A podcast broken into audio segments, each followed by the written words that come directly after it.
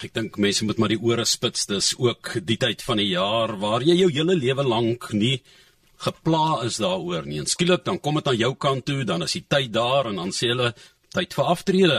En dan wonder jy hoe die tyd so vinnig verbygegaan. Of uh, jy werk nog lekker en die mense sien, ek het nou gesien by 'n hele paar instansies as gevolg van die situasie in die wêreld word mense afgelê. Dit is amper soos 'n vroeë aftrede en uh, dan moet jy maar die ore spits in vandag se program. Want ek gesels vandag met Nelis Brink. Nou Nelis is van PSG Wealth, maar hy was ook in uh, 2019-2020 was Nelis PSG Wealth se adviseur van die jaar. Hy weet waarvan hy praat. So uh, baie welkom Nelis hier by ons program. Môre Johan, baie dankie. Ek waardeer die geleentheid. Uh, ons gaan oor baie belangrike uh, goede praat en dit is hoe onder andere portefeuilles gekonsolideer word. Nou, dit is 'n taamlike wye begrip, maar is dit nou wanneer jy moet begin dink aan aftrede, wanneer jy moet begin dink aan beplanning, uh is dit 'n evaluasieproses en hoekom glo jy is konsolidasies belangrik? Kom ons begin uh, in die eerste met die vertrekpunt, hoe word portefeuilles gekonsolideer? Dankie Johan. Dit is dis soos jy reg sê 'n baie breë konsep. En ek wil graag ehm um, voor ek jou vraag antwoord wegspring met 'n stelling wat ek dink 'n ongelooflike belangrike punt is om te verstaan van hoe ons dink hier by PSG R21. Ons is baie groot voorstanders van portefeulje diversifisering. Dit is baie belangrik om dit te verstaan. En verder as dit, Die mense sê altyd die belangrike Afrikaanse spreekwoord moenie al jou eiers in een mandjie sit nie. Maar wat die spreekwoord nie op uitgebrei het nie, in hoeveel mandjies moet ek dan my eiers sit? En dis daar waar dit vir ons belangrik word en ek dink die antwoord daarop is hoeveel eiers het jy? So dit maak nie regtig sin vir 'n hoenderboer as hy 10 eiers het om 10 mandjies te hê nie, want hy gaan meer sukkel om hierdie mandjies gedra te kry as enigiets anders. So baie mense het onder die vaandel van diversifisering hulle produkte begin diversifiseer wat nie noodwendig die diversifisering bied wat hulle voorgehoop het nie. So om weg te spring op jou vraag, hoe word portefeuilles gekonsolideer? Daar's natuurlik twee vlakke. Die eerste vlak is produkvlak. Nou produkvlak beteken 'n ou moet gaan kyk na watter produkte besit jy in jou arsenaal van portefeulje. Byvoorbeeld, 'n aftreeanniteit het baie wonderlike voordele. Maar dit maak nie sin om meer as een te hê nie. Want natuurlik op jou platformfooie wat jy betaal op elke een van hulle, jou verskillende portefeuilles op elke een van hulle, word dit so gemengelmoes van 'n ding dat jy dit nie meer ordentlik kan rekord hou daarvan. SARS gee slegs vir jou 'n voordeel vir 'n aftreeanniteit. So om 2, 3 of 7 van hulle te hê, maak nie sin nie. Dan op 'n tweede vlak van portefeulje diversifisering het baie mense verskillende adviseurs op dieselfde soort produk. So om dit weer eens te vereenvoudig, tipiese aftreeanniteit by adviseur A, 'n anniteit by B en 'n anniteit by adviseur C. Die drie adviseurs kan baie maklik botsende advies lewer omdat hulle nie noodwendig deursig na mekaar se. En dit kan natuurlik ook baie tydrowend word vir jou as portefeulje eienaar om met drie adviseurs op drie platforms van dieselfde produk mee te deel. Maak dit sin? Ja, nee, ek dink jy het dit vir ons baie mooi uiteengesit. Ehm um, hoe mens moet begin dink aan ehm um, konsolidering en hoe jy as 'n jy weet as 'n vertrekpunt ook ander mense se geld bestuur want dit is eintlik waarop dit neerkom nê daardie advisering is ook die bestuur van portefeuilles. So ehm um, jy wil nog 'n hele paar dinge aanraak want ons sal ook later daarby uitkom oor die beplanning en evaluering wat ook baie belangrik is. Maar waar waar sou jy graag wou vertrek vir die mense wat luister in terme van uh, die konsolidasie van portefeuilles? Natuurlik So ek dink die eerste ding wat 'n mens moet na gaan kyk is om 'n ordentlike opsomming te hê van jou produkte. As ek weer eens 'n aftree aan die tyd kan gebruik. As ons 'n aftree aan die tyd op verskillende platforms bymekaar gaan trek. Op elke platform is daar 'n fooi betaalbaar. En die struktuur van die aftree aan die tyd wat jy uitgeneem het in 1975 toe jy die eerste polis uitgeneem het, in vergelyking met 'n uh, as ek dit 'n moderne aftree aan die tyd wat na 2008 uitgeneem is, moet vergelyk, verskil drasties. So die eerste ding is 'n amper wil ek sê 'n kostebesparingsoefening tussen hierdie verskillende platforms. Die tweede vlak natuurlik is die diversifisering van hierdie portefeuilles. As ek vir jou vra hoeveel blootstelling jy byvoorbeeld aan buitelandse bates het, en jy weet nie eers hoeveel anniteite jy het nie, is dit baie moeilik om dit te meet. En as ons iets nie kan meet nie, dan kan ons dit nie dophou nie.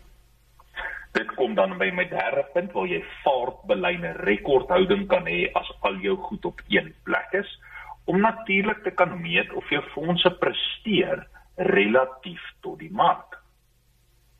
En dan natuurlik die laaste punt op daai produkvlak daar moet 'n foutlose aftree strategie wees. Jy moet presies weet of jy nou 45, 55 of 'n dag voor aftrede is. Moet jy presies weet hoe die ding gaan opeindig en of dit sin maak vir wat jy nodig het. Maak dit sin? Dit maak sin, maar ek ek wil nou vir jou vra want ek dink mense is in 'n stadium wanneer hulle werklik gekonfronteer word met hulle geld en ek praat nie nou van kom ons belê nou vir jou R5000 'n maand in dit en 10000 dae en so vandat jy nou sê nou 25 is nie en bou aan 'n portefeulje nie. Skielik wanneer mense by aftrede kom en daar kom 'n klomp geld as dit ware los, dan hardloop hulle van die een adviseur na die ander want hulle jy weet jy jy's jy al verwilderd en die een ou het 'n bepaalde strategie en die ander ou sê nee ek belê net in diamante en die ander sê nee ek gaan my hele lewe lank net in goud. As ek was nog nooit in goud of metale nie ek hou nie daarvan nie. Ek belê net in huise ek eiendom dit is ongelooflik verwarrend en hulle is nou hulle praat altyd jy weet as jy in die mediese wêreld is of so van 'n tweede opinie en selfs 'n derde opinie of wat. Hoe moet 'n mens dit as jy nou nugter oor die saak dink hoe moet 'n mens op adviseursvlak uh dit benader?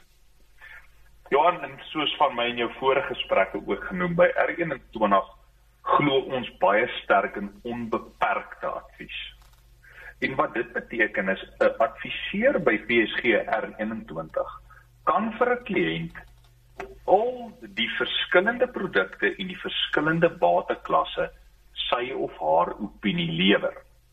Want soos jy reg sê, veral na die riller van 'n jaar wat ons in 2020 gehad het, is daar baie gepolariseerde advies. Ek glo net in goud, net in aandele, net in 'n bankbelegging selfs deesdae net in Bitcoin.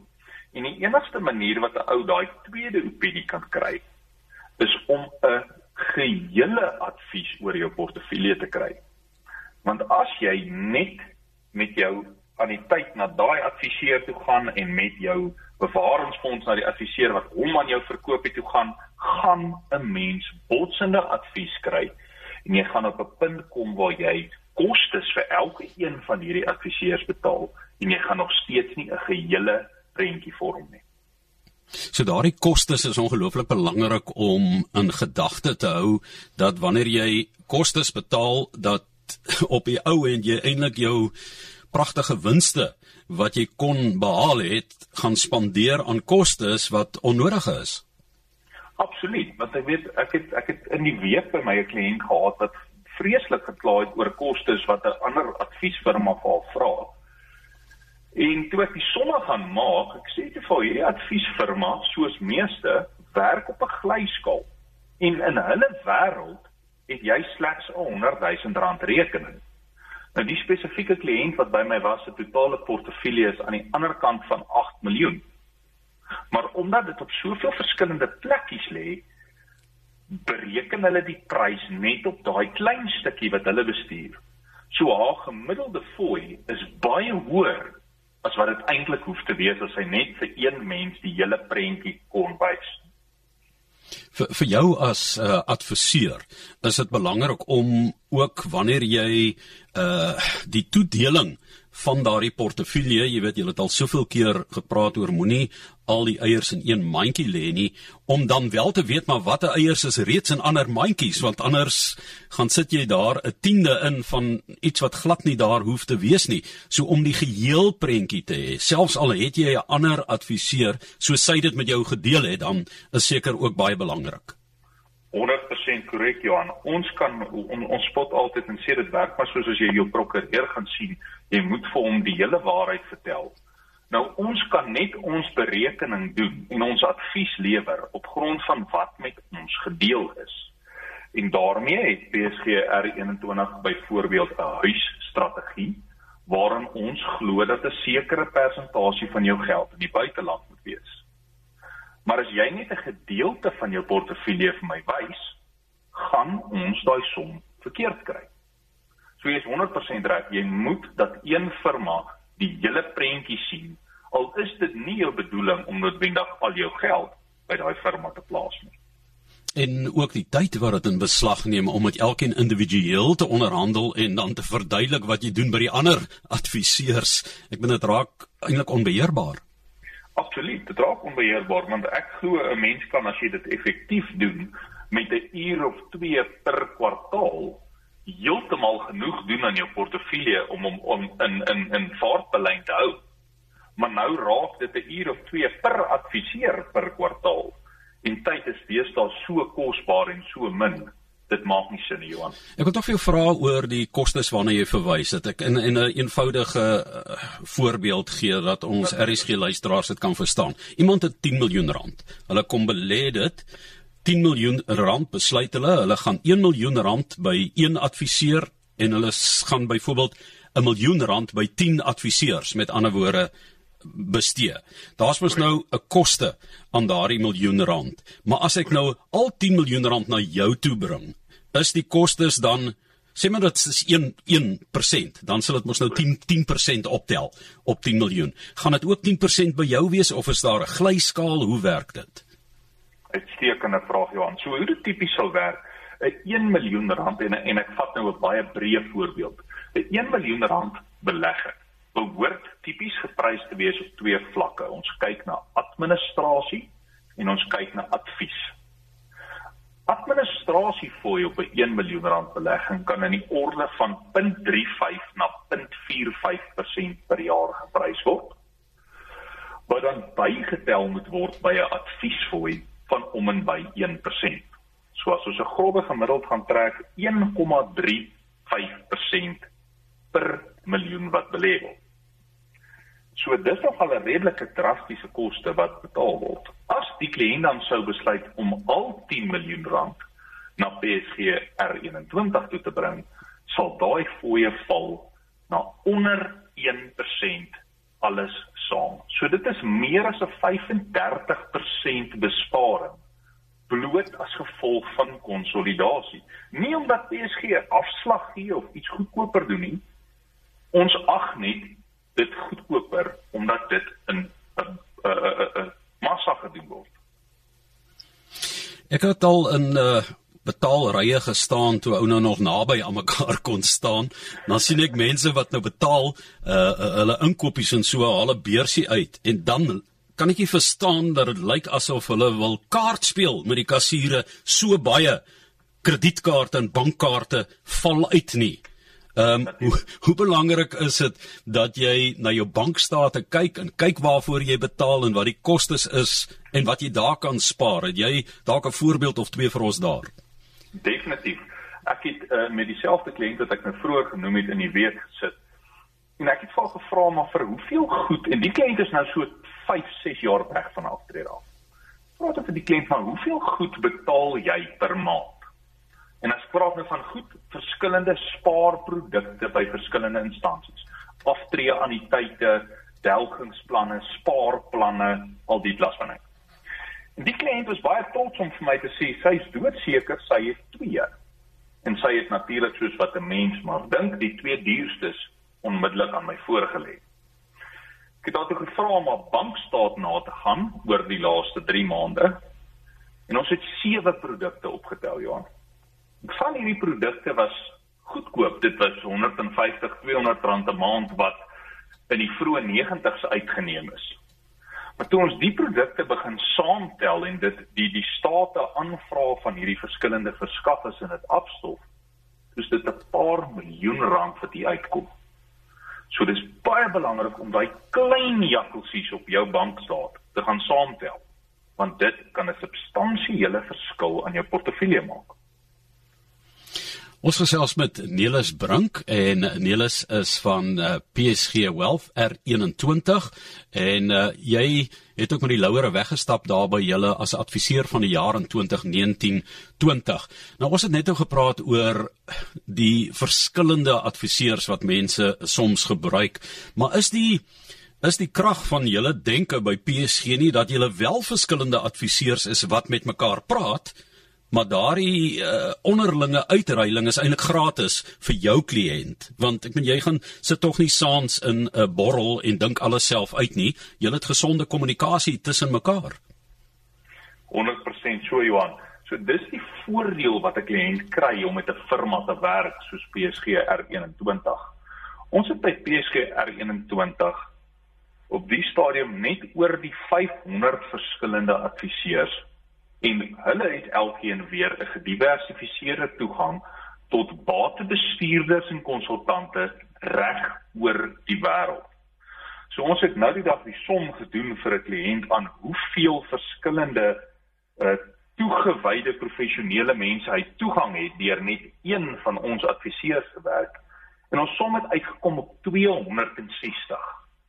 So daar's 260 verskillende breine en verskillende spanne wat aan jou portefeulje werk, maar jy het kontak met net een mens wat die ding bymekaar bring en die ding vir jou eenvoudig verstaanbaar kan maak. Dis nie nodig dat jy met vyf verskillende adviseurs kontak het om 'n gediversifiseerde inligtingstuk te kry nie.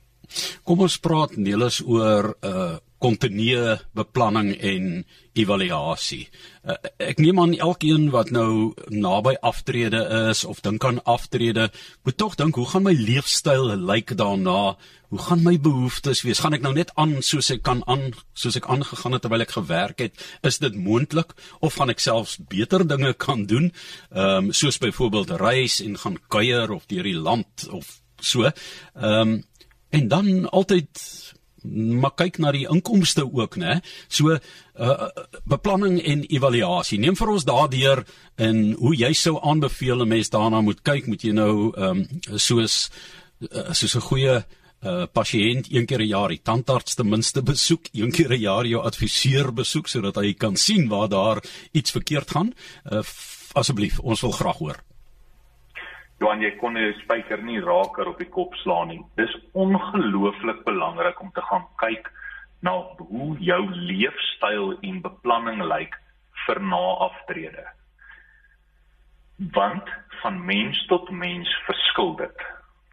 Kliënt A kom sit by my en sê hulle grootste wens is die oomblik as hulle aftree, wil hulle graag Suid-Afrika toer Hulle wil hulle huis verkoop en in 'n kleiner plekkie intrek want hulle wil graag met hulle karavaan die land platry. Kliënt B kom sit by my en sê hulle wil graag in die groot huis wat hulle bly aanbly en hulle wil graag die buiteland vernaam Europa gaan toer na aftrede. En soos jy vinnig kan dink met ons swak rand, is kliënt B se uitgawes drasties hoër as kliënt A. So dis baie belangrik dat jy jou berekening vir aftrede en waar jou portefeulje gaan eindig jaarliks met jou adviseur nagaan ten minste dalk meer gereeld soos jy nader aan aftrede kom om seker te maak die plan werk uit soos wat jy wil hê hy moet en nie soos jou adviseur of handboek of buurman se plan uitwerk nie want hulle het ander behoeftes. So ongelooflik belangrik om te seker te maak jou beplanning en analise is belyn met hoe jy dink jou prentjie moet lyk na aftrede. Uh, is daar kommunikasie wat belangrik is terwyl jy nou of moet jy nou 'n jaar wag vir jou adviseur of is daar intussen kommunikasie uh, byvoorbeeld nuusbriewe um, van jou kant af nee is kommunikeer jy voortdurend byvoorbeeld met jou mense Om jou idee te gee Johan hierdie jaar wat 2020 wat verby is het kommunikasie nog tot 'n hele nuwe proses ingeval wat ons by PSG R21 gevoel het dat die mense is 'n bietjie in die donker. Almal is skielik in hulle huise toegesluit. Ons weet nie waar die ekonomie heen gaan nie en ons hoor net riller stories op die nuus. So PSG het daar waar ons normaalweg maandeliks gekommunikeer het met ons kliënte om hulle op hoogte te hou van wat in die wêreld aangaan en hoe dit impak op hulle portefeuilles het, geskuif na weekliks toe. So baie gereelde kommunikasie van jou adviesfirma is van kardinale belang. As jy hoor daar is 'n tweede grendeltydperk aangekondig of daar's 'n nuwe president in Amerika of entstowwe word uitgerol, hoe affekteer dit jou portefeulje en jou beplanning vorentoe? lekker om te luister na Nelis Brink sy rustige trant en ja, sê met die emosie uithaal want anders kan jy baie gou in die moeilikheid raak. Ons moet afsluit.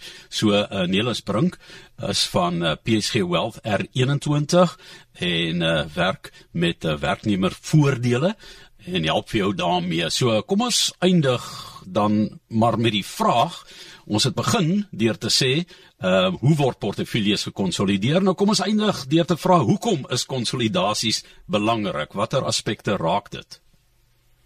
So konsolidasie om op te som Johan is absoluut van kardinale belang rondom nommer 1 jou boedelbeplanning. Om seker te maak hoe werk dit as jy doodgaan en hoe werk dit as jy bly leef? Die tweede rede vir portefeulje konsolidasie is natuurlik om belastingbeplanning effektief te kan doen. Belastingbeplanning word op kliënt of op individuele vlak gedoen en nie op produkvlak nie. So dis belangrik dat 'n mens dit verstaan. En dan die derde en dis die heel belangrikste punt wat ek die luisteraars graag mee wil los.